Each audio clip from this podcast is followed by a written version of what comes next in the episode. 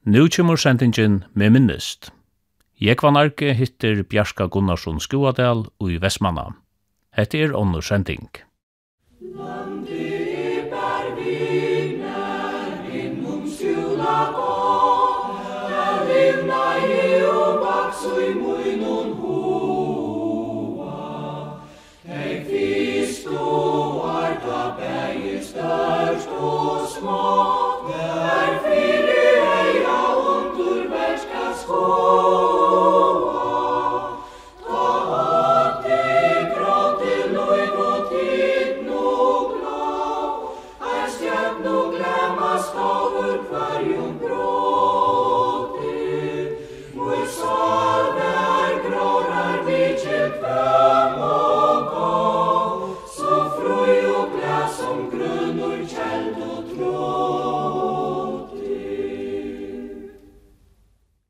Bjarke, du er ikke født i Vestmanna? Nei, det er ikke. Jeg havna med over. Og det var ikke stått litt, det var smadronk. Det var født i havn. Det er plava jeg meg sintur. Men nu legger jeg ikke ut. Nu er nesten alle føringer født i havn, så det kan gjøre det samme. Men ta, nå var det så løs sett. De fleste bøttene var født hjemme. Men eh, mamma, hun er åtta bad fram framme nontan. Det var en rynkeboror, og hette badene døye. Og så hilde det til at det var best. Henne vi er være ved at det skulle være til havnar. Tog i føtter av sjukrosten i havn. Dronning Alexandrines hospital. Jeg tar blå av meg til å være smadronk. Du var føtter i 1904? Ja, februar 1904. Minnes du nærka fra grunnen? Jeg halte meg minnast. Jeg vet ikke om det kan være til at jeg er så livande frasagt, et eller annet til at jeg minnes det, men jeg halte meg minnast luftalarmen som det kallar det. Han stod bant innanfor husen jokken. Vi byggde utanfor Tjekvara og Hesen stod bant innanfor Tjekvara. Så her var et elverk. Og tannmotoren, han var starstavur vid luft. Og tog om det bruka til luftene til luftalarmen. Og til jeg var jo helt øyelig harst. Han skræmlet. Ta for alt opp av gaka, ikke sant? A renna og takka bøttene saman om man er kjattlæren. Ta i luftalarmen ljøy. Tog halvtid det at jeg minnes det. Det ljøy stender og gosser nok så tydelig for. Det var nekka det samme som jeg sier, brandlurene som var fyr. Jeg vet ikke om jeg kan minnes nekka annet det. Jeg var fem år gammel da Grudge var av. Og til her sier spekligen borster. Annars var det luftland, bardeer i Vestmann og Ukvarst. Bilden enska trålare som lå inne og tysk flåfer som kom. Og omkra bomber var släppte han nyer ut av Stutsch. Jeg hadde henne fyra, fem. Og så brottene ned grudar i Vestmann. Men det gjør det annars som ganske jeg. Og et kjøp fyr, til et fram, Det la fyrir teg, bant ut fyrir Mariannes grunn som vi platt å säga, her som nu kapprar han neste gjer. Bomban hon kom en under skipet, rakte ikke bøyn løys, men under skipet, og litt da nekka lekt oppfra, ta brottna i tvei, og sak sjåvand. Jeg vet ikke om det var nekka anna, men det skulle gå søv maskinjeveren sånn, men han var så raktor.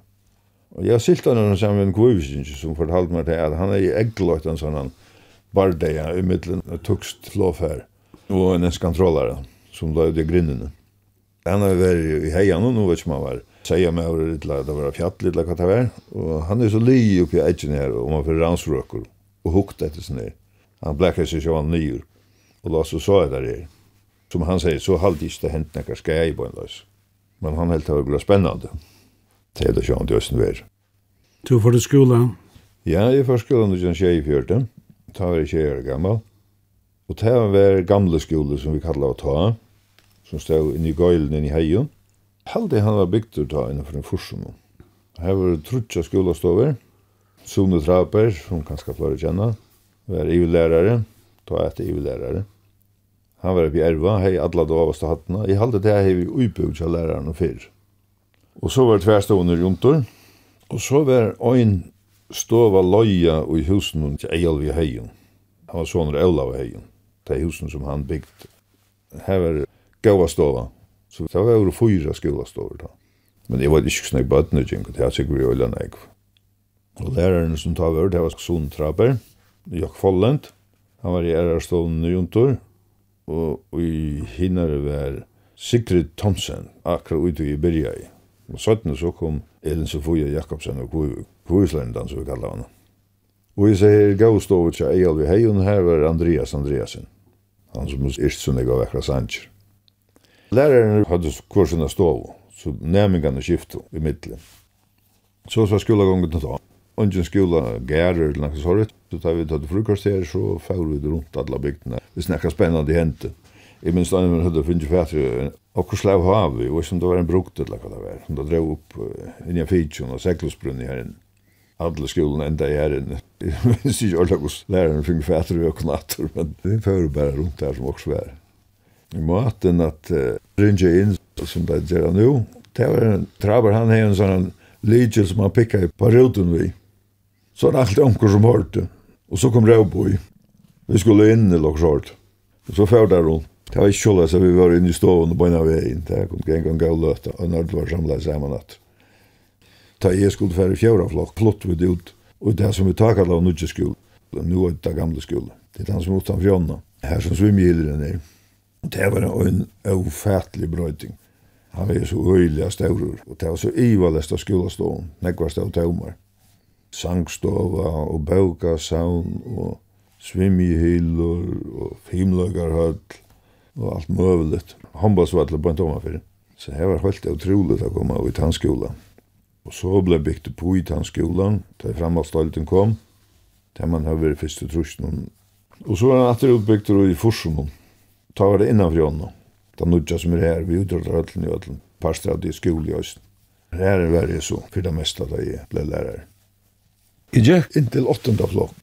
Jeg ble blitt fjørstan og er nødja den forrige altrus.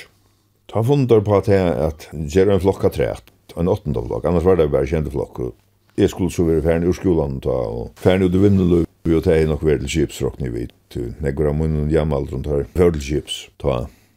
Men uh, foreldrene hilde at jeg skulle tekka til 8 dager i Øysen. Og ta kom en nudgelærare, som het Mannbjørn, Mannbjørn Morsensen. Han var lukka som et frukslet vindkast som kom ut hannifra. Og sette sin nummer av lov i skolan, enda jeg var framan undan.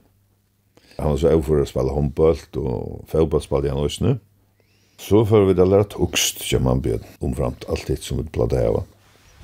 Så gjør det en uh, et håndballsli, skolali, annars var jo vi jo i EFTA og snu, og kjent håndballsli, men her var ikke baden og håndball og sånn, her var jo ikke. Så vi kom i skolali, for rundt å spille imsa stand. Så får vi da inn til Soriar. Nu grenner jeg det om det var noe samband, men det var noe helt annet da. det var flere som skulle fælle Jeg holdt det første litt åkken, og stod av og nøysene. Så da la jeg Vesterløy, som Niklas tar åtte sørvei, felles vi. Det var en lenke tur av Moai. Vi var først vi Ola vi av Fjotaklett.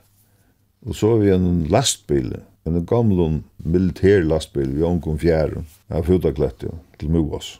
Og så vi Vesterløy. Jeg var ikke så lenge tog igjen, jeg tror ikke at tog man det har vært her og vi. Det er synd tvass og tøysene, som vi var ringa kjøverst. Ja som var bensjen, da ostina letje. Ja, da kom folk av livar òsten, til minst, jeg minnes grudgjene forresten, da er da ostina letje. Og så måtte man gist der, så sjoli òsten, og vi gista tja taimun som vi spalte mot. Men det var ikke en gau fyrir håndballslige tjokken, vi ble så av tuska i. Tappte 11-0, Ikke 8-mål tjokken. Så hilde det til, jeg minns jo mannbjørn var dømar sjolvor, han var jo torrere med år. Det er så sint i okkom at um, vi måtte få et mål. Så dömde det brottskast mot hinna. Og jeg var sett til å sjøte at det var sikna jeg mål. Det skulle være et mål. Men jeg var så forfjemska og sånt, det pleide å si. Jeg var sånn her, jeg var smorningen og at den røpen og her og alt det der her. At jeg rakte ikke målet at jeg skulle sjøte. Jeg var en forferdelig nile, jeg minnes det inn. så vi måtte være høymater, onkel og reiv. Onkel mål hatt vi Vesterløy. Det var håndbåtslig, men jeg råkner vi vidt av vunnet i åkta minnestus, jeg minnes bare den avsmorningen at det var her. Jeg halv bestemt at det var sånn eldre enn vidt. Det sikker vi et annet liv, vi da spalte meg ut. Ja, så gikk jeg til åttende dager. så var det ikke mer. så var det litt, jeg var ikke mye hilde fram og framhaldsstolten hver tatt, ja. Men at jeg har ikke så redd å gå noe gang skole, så det ikke var så redd ringt endelig, det var det ikke. Jeg vil slippe ut arbeidet. Og det som la fyrir, det var ferdig chips. Man levde jo døy innen fjørene, kan man säga. Allt jo onker båtar her, sjalt vi onkan bata til sjolve. Ja, det vil si jeg, vi åtta en båtar skifte, men det var nok så stort. Men det var alltid onker båtar jeg slipper i. Onker vimma en åtta båtar, at pappa er tjadam om. Etla leo båtar vi brikvarna. Det er så kyrru godt i Vestmanna. Her kunne båtar bare litja. Vi gav om vekkri at sjåan, det kan da være så sett, det blir ikke til.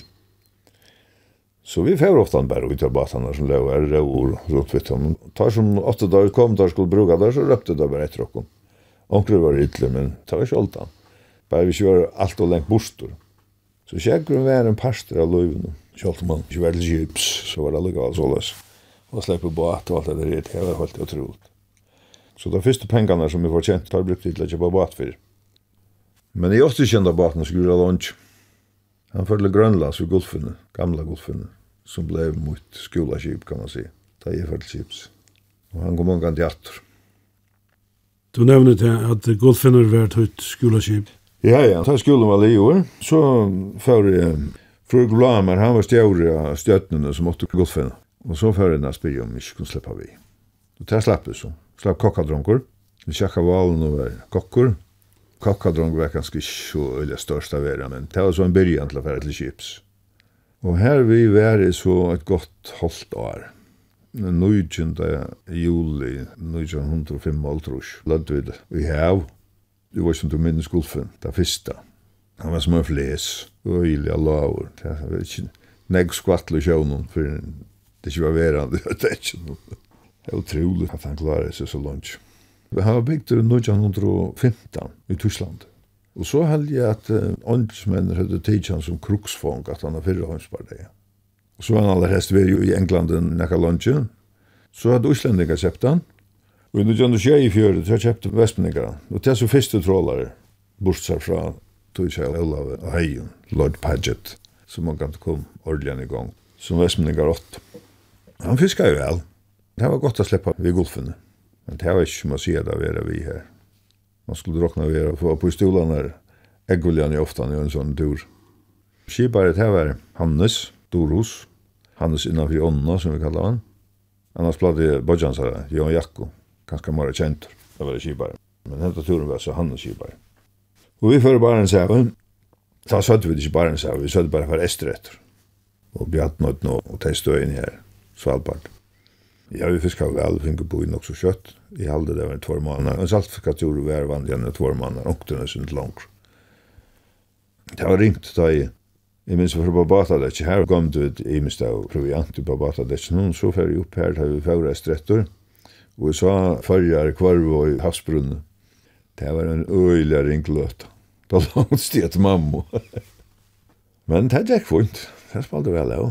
Det var på røyre utlån halvgån seks om morgenen, skulle gjøre klost til morgenmøtet, til manningene.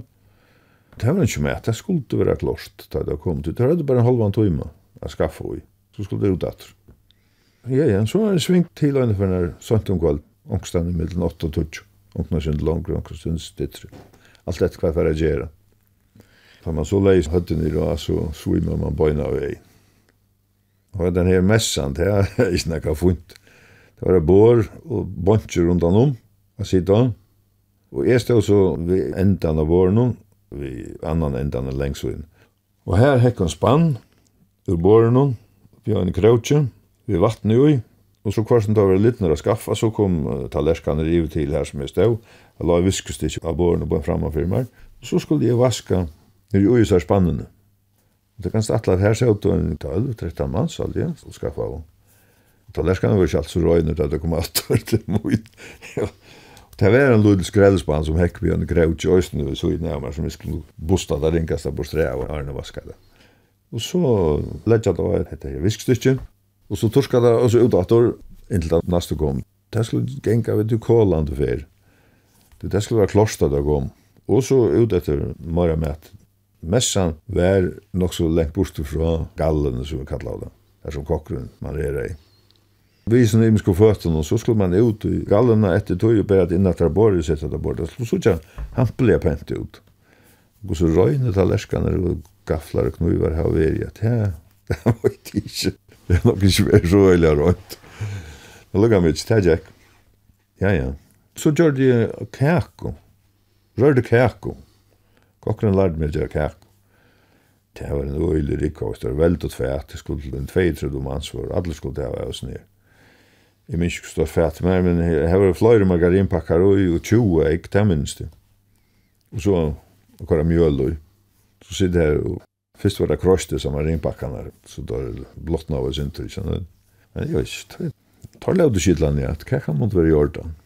Jeg minns det platt i i trappen, eller leidaren nere i kuttena og røret det, i sin fæten og knøvn. Man skulle ikke bruka for nek vatten. Det var oftast bare sjekkvur. Jeg får den til kjekkven høytan som jeg vaska jo i. Eller det var ikke ordentlig kjekkven, det var sånn som dampa i bostur ur kjettelen, og man kunne få det bostur ur kjettelen etter vatten. Så det var sånn halva vegna vatten og halva vegna kjekkven. Og for jeg kunne hita det her opp, det skulle sjån være høyt. Så måtte jeg fære ned i maskinrummet og stinka en sånn kåparrør ned i spannene, og så skrua fra, så kom en dampor ur kjettelen og ned i etter her, og det hita i så vatten jo opp. Og så bæra det opp at og hangjade på enda valsikna jeg krautsen. Jeg du ikke ordentlig å vite hvordan jeg kan ha finnes tog til det. Så det skulle gjenka oss øyligere fer. Og leitaren nere i maskinrummet, han var øyelig lenger. Fløyre mann satt der, jeg renna nere i joggen, og bratte som var skvætt. Det er Jack. Det skulle ikke være noe koksel eller noe sånt funnet. Det var bare å eta. Og måten han er, så er alltid en som er kaffetørn av midnatt ut etter, og så plattar det støtja tjolkar og imstanna. Det er ruttet der i tjopater. Det skulle jeg gjøre at jeg kom opp på morgenen. Så det var størst opptak ofta at gjøre det her. Eplene, det var fremme under bakkene. Det var ikke en sånn latter eplasetjer som man nu kjøper ur handelen. Det var vi gjør, det var vi en hel kulturspunkt. Og så uh, passa seg løyer, Det er ofte så gikk det noen kjekkor av dette, at du slapp ditt sist torskøtt fram, utan så du var det lenge om klåstolen og oljedans og alt mulig. Så det passa seg løyer, her fram under bakken etter en eplasetjer. Det var ju ikke slatt, det var uppskottet. Så du måste klikke på med så skottene. Det hendte mer enn så att jeg fikk på stolen, var sånn stort om stolen. På i stolen her, och en av mine minnes, det tar datt i svälchen och spår framför ett trollspel. Vi som har signat på sån nakken, og Det ble jeg så jökn og blöttor. Det var jo vi som en åkt var her framme under bakken, Det var bara sånn hål som gick ut. Det var bara att sett, så stod det vann sola uppe i jöknen etter här. Det var ikke stolt å si det her. Skiparen, han hei jo et point at han fyrir. Brunna, god skola nyer her, du måtte fyrir etter en spann, ja, øysa, kjegg, opp, og så støyde han i etter her. Det var sånn man rer. Det lattast at det var fære nere fordørste.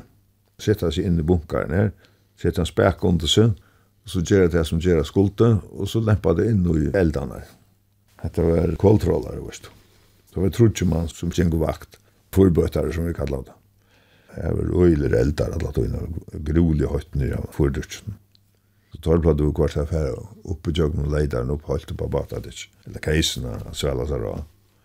Men her var det hundaligasta av sida, som man skulle gjøre såret. Arga konan og sort her var og sindra tøy og snu.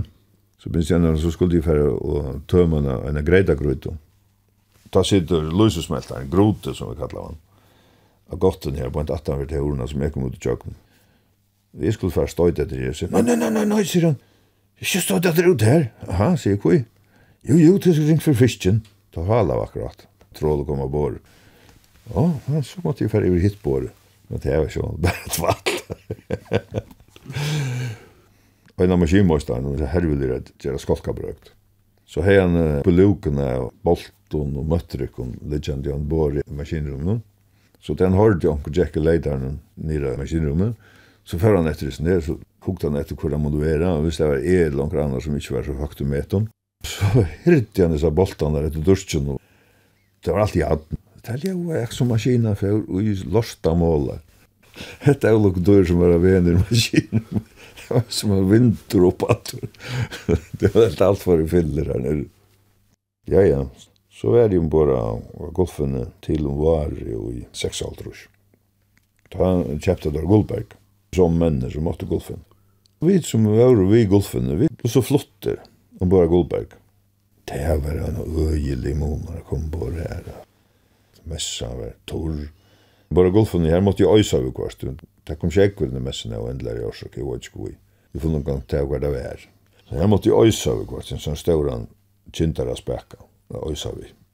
Men her om vår Goldberg, her kunne du gänga inn i skån, inn i mässan. Ja. Gallan var bort við sugene av, kodgjene var gauar, og fløyr vesi um bor og sånne. Det var en veldig munn. Han var sånn nek torrar, og det gikk ikke nek sjekker av han. Det Gullberg var det så, det var Så tomt ikke var det mest dronk langer. Nå kom det være vel, nå vil slippe det ikke. Det er akkurat fyllt seg ikke. Så fikk mamma og affære ta seg hans fondstall. Han åtte Johans fondstall. Det var sysna på Jo, det var lest og livet. Det slapp man bor. Det var stor mun, det var også noe døylig kjip. Ganske bedre enn Guldberg, men annars innrattar han ikke på samme mat. Men han har motor, men henne bæir, hadde dampmaskinen. Guldfjøren var kålfordre, som vi sier, men Guldberg er i oljefyring, så det var ikke lagt her, ikke her og da. Men Jons Fonsdal har motor, Og det gjør det at han brente ikke noe, henne brente så øyelig han ikke, dampskipene, ja. Og det ble ofte han minst lukka vel på styr. Det var ikke noe utrøsle av olje og sånn. Han har for luttla motor. Han har ikke mån 1100 hestar. Vita i en båt som er 33 fot. Han er 400 hestar. Det er akkurat det samme som golfinner er. Så det var lydel kraft at tova vi. Han staurer, han tog mellom 400 og 500 tons. Kjalt i det, det var han ble størst kjip. Hesten her motoren, han stekka i oppe kvart. Vi lå stiller og raukos og kvart. Skifte fjordringar og imist i motoren.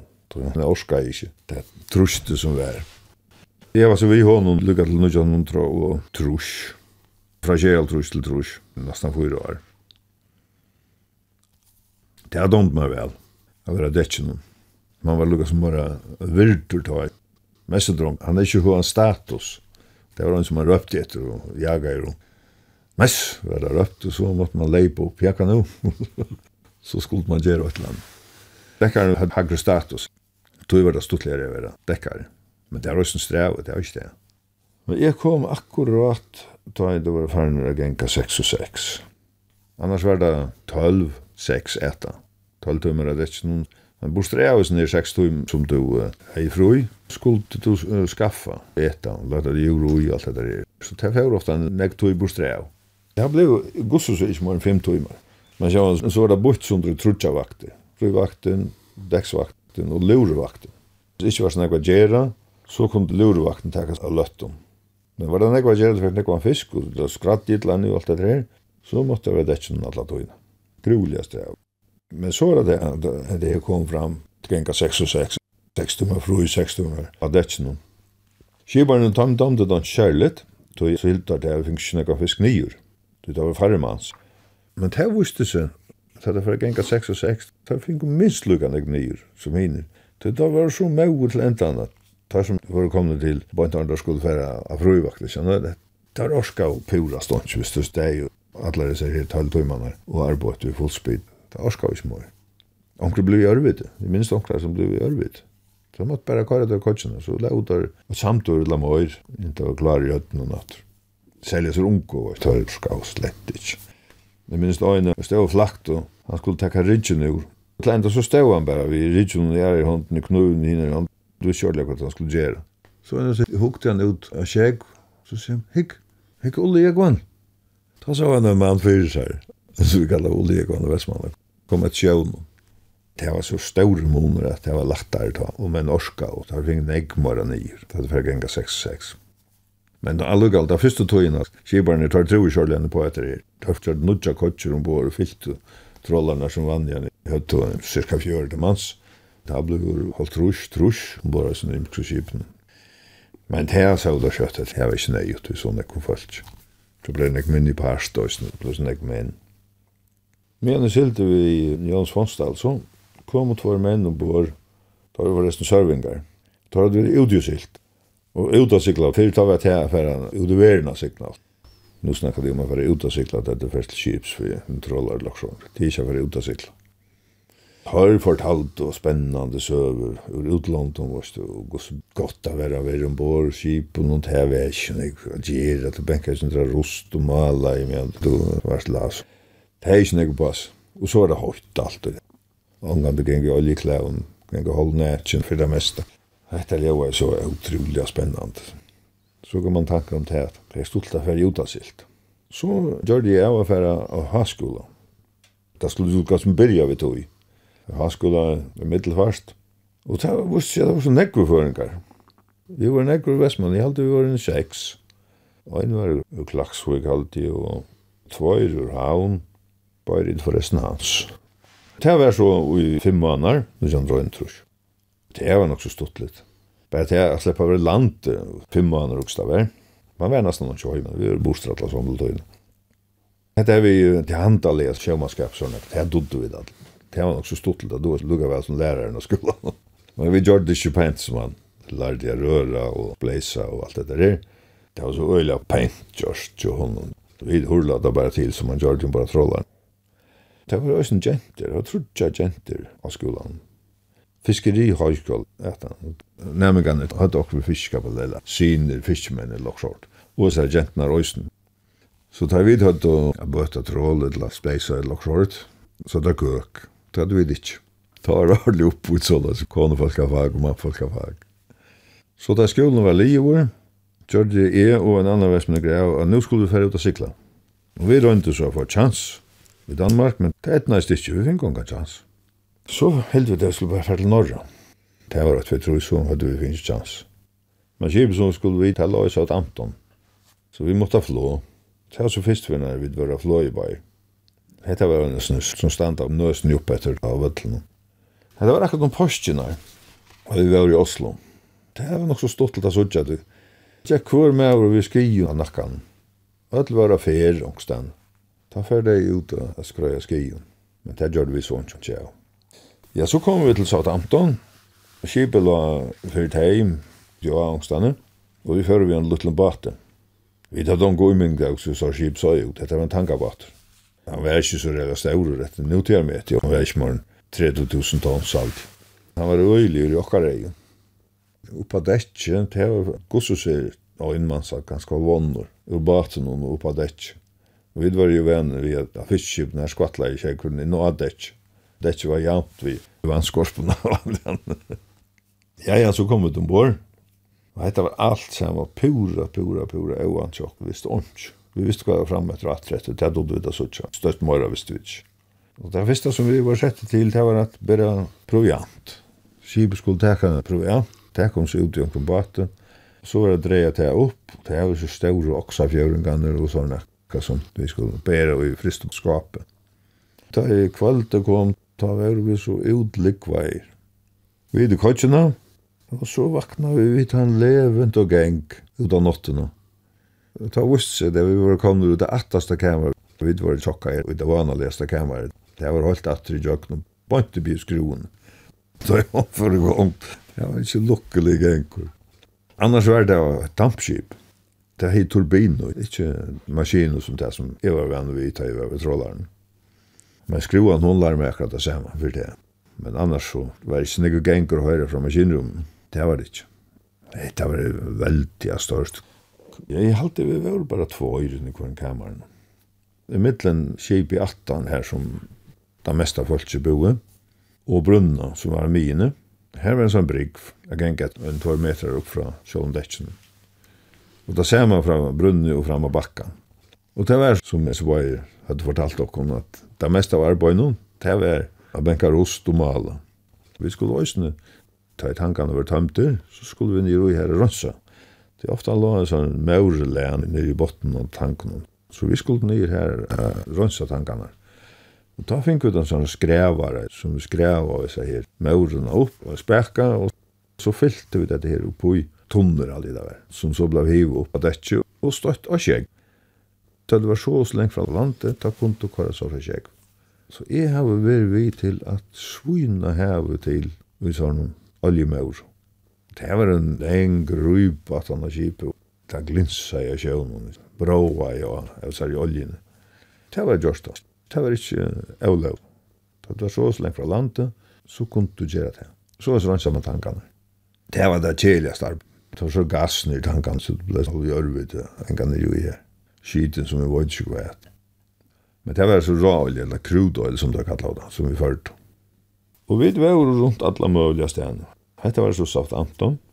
Så fer vi den i her, havet, platta litt ut for Libanon og lasta. Du leis ikke etna nakra stedene. Takk bare nekra bøyer opp som lå var. Så var det en slanka som du hiva opp av botten. Eller som var først gjennom bøyen. Og så var det kopplat til, og så kom oljan her veien. Kvænen kom, var det ikke Hun er allerede helst kom ur Irak Tajiti, GT, Libanon. Men så är vi da snitt ofta nu i Persara fläckvanon. Det var omötelig høyt. Høyt var mer rann, men i Persara fläckvanon omstande mellom 6 og 3 sti. Det var ikke stått litt. Det gav at det var det, at dette skipet, det var nok som nytt. Det var bygd i nuttjall trus alltid. Det er aircondition, så køla luftene som kom inn i rummene. Det var helt utrolig som det var godt. Kom utan av däcken og inn. Så så vi et underskip som Östlund och, og lasta og lossa och, som ikke hadde det där. Det var uh, flott og olje for det meste av persarfläckvarna. til Sur-Afrika, India, Australia, Japan, Filippinerna. Alla möjliga ställen. Og så var det det. Vi var fra marsmann og en trusk, og til en sånt en sommer i tvei trusk. Så det var et og en fjøringsvar og sånt. Og hinn som kom sammen med meg, han var et året træt, minns meg rett. Han kom ikke hjem ta. Så før jeg hjem, jeg gikk av skola, styrmannsskola. Og her gikk jeg så i Eisammannar, så fikk jeg styrmannsbregg. Vi kunne vi hilden fram at det ikke kjøpsfører på en av veien, men jeg var ikke, hun spent på at jeg bodde atter. Så jeg fikk ut utdatter av sikla. Så styrmann, og det er løgnet av at jeg var til at jeg kom bare samme kjipet som jeg hever vi han la i Oslo da. Den første tøyene ta ble han ombygd, men jeg den første tøyene som står med ta la kjipet for teim i Oslo. La var bonte, ordelig. Det ble omgjørt til kemikalietankabat. Solvents carrier, alt det der kallet det. Ta ble gjort så sett. Man kunne heva alt mulig slag av flåtande evne ombord. Men ikke rå olje hadde vi tatt. Kunne nok heva det, men det hadde vi ikke. Og pumperum var gjørs av træt. Så alt det var bort sunt ordentlig, så jeg sa, man kunne heva imslø. Og her hørte vi ikke med den andre fløtende tolk, imskar oljer, sånne metoljer og sånne, kan? og kopra olje, og øysene sorvanda mykje evne, som til døms akryl. Jeg visste ikke hva det var da. Jeg har aldri hørt det året akryl. Men det var så øyelig øydrand. Man skal se etter som en smyr man ikke fikk nekka på oss. Det var pura, pura, pura klost. Du hukte ned i tankan, du såst den nästan. Den är klarere enn vatten. Vi hade alltid negg vatten innan det det ikke noen tar. Så vi skulta vi at vi fick sånn dråpa at det så måtte du göra näka. Och han som för ner i ta tar pumpen med over en Han måtte ha en luftflaska vi sig. Det tar om att det synder av gas i det her som pumpen har stå. Så vi var en synder öttafotlöra. Eufri råkom tar vi tatt detta där ävne ombord. Det ble stått til Japan. Tog det in nokstan i Amerika. Ta fyrir så ut som styrmøver vi i Egypten, og nå er jeg vær i nesten tvei år. Ta passar ikke ordelig Jeg ble flottor fra at Egypten til et annet kjip, så er samarøy røy. Ja, ta var vi inn i Newfoundland og St. John's.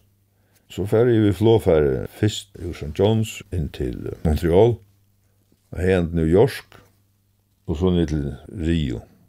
Her var hitskip. Det var i Brasilia. Vi måtte jo enda treta flå til en annan boi som heter Vittoria, her var kip.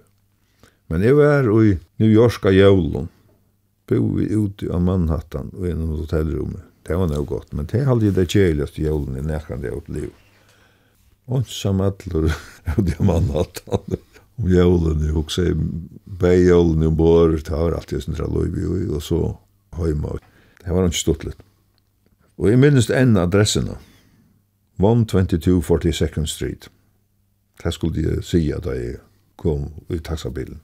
Og jeg minns også noe annars nede fra New York. Det var det at jeg skulle køyre fra Flåvatlen, det man har vært Kennedy, eller Men han er et Idlewild, var Jeg held det var så også han er. Den store flåvetlen her i New York. Og så fikk jeg en taxabil og kallte så til adressen som jeg nevnte. Så da vi kom her, så gav vi en pengene som stod av taxameteren. Og han hukte så snedig på meg som sjåføren. Og jeg hukte på han, jeg visste ikke om jeg gjør noe skoft. Han ble hitt på meg. Jeg sier, is there something wrong? Yes, sier han. Huh? In New York, you tip the driver. Jeg husker at det var tip. Jeg har kjørst hatt av før. Jeg så små spørsmålstegn, så skulle jeg bytte og kjenne og til på han.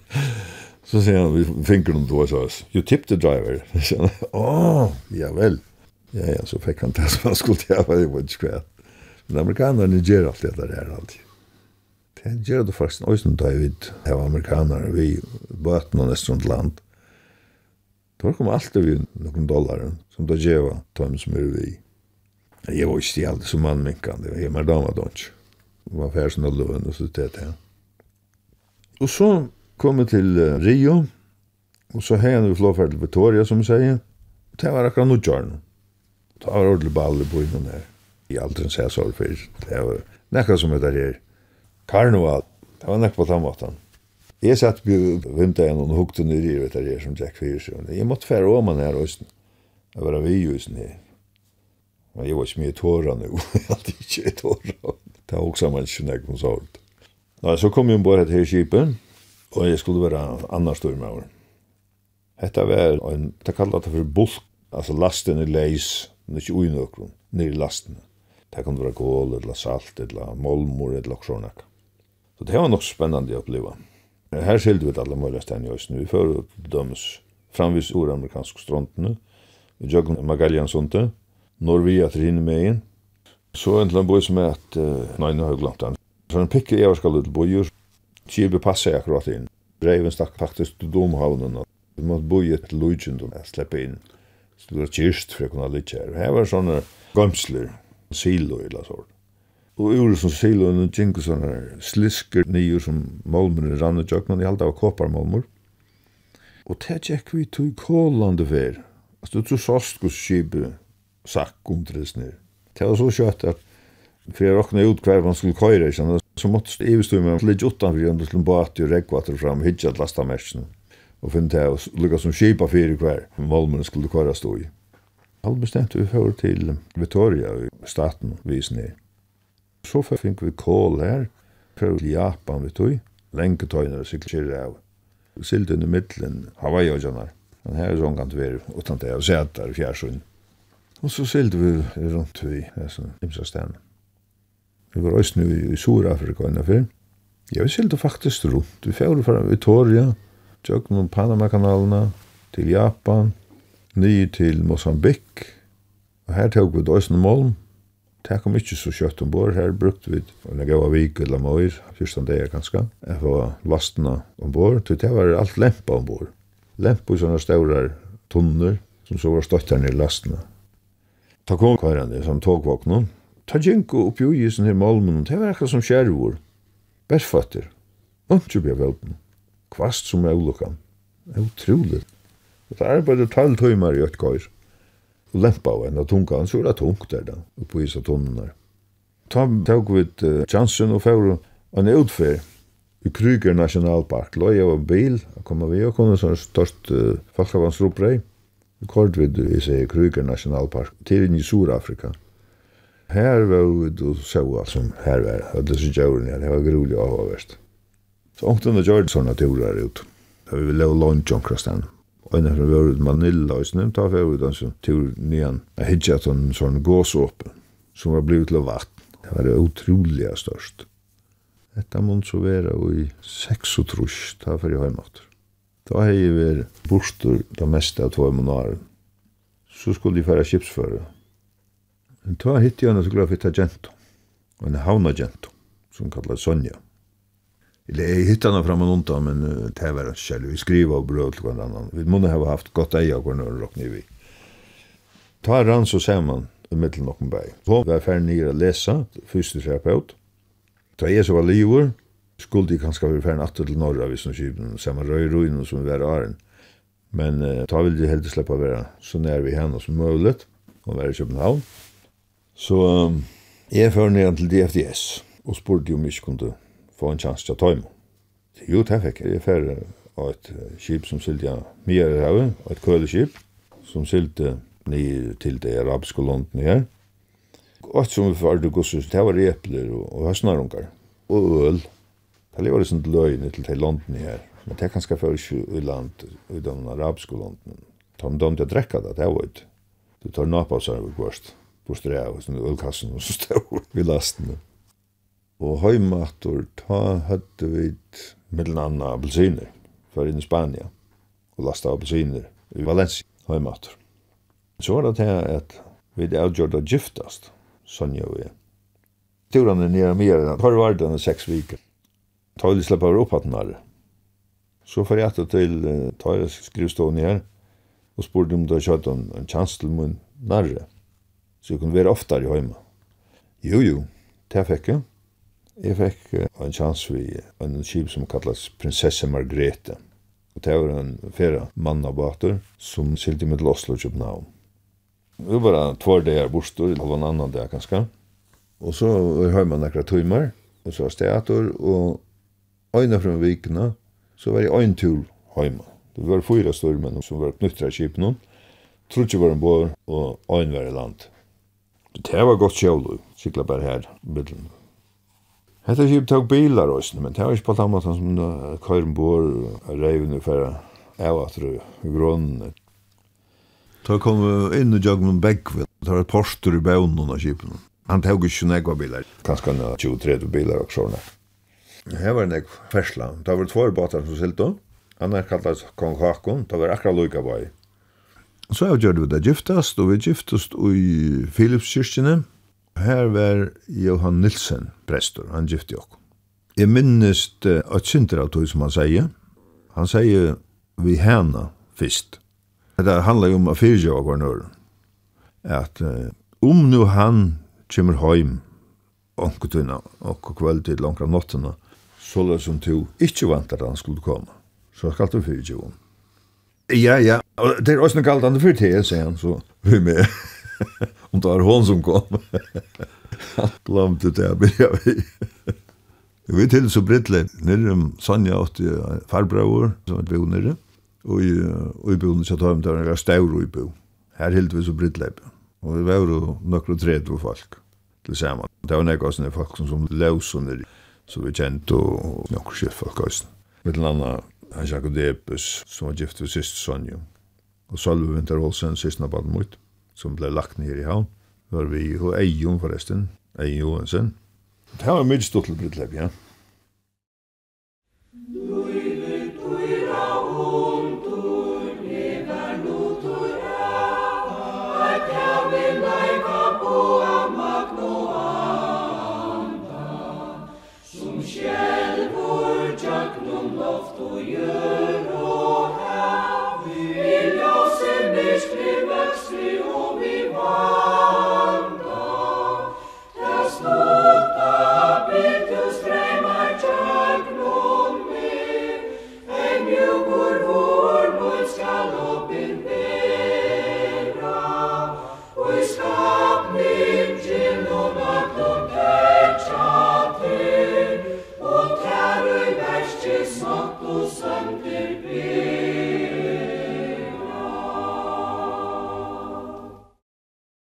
Hatta var sendingin med minnist.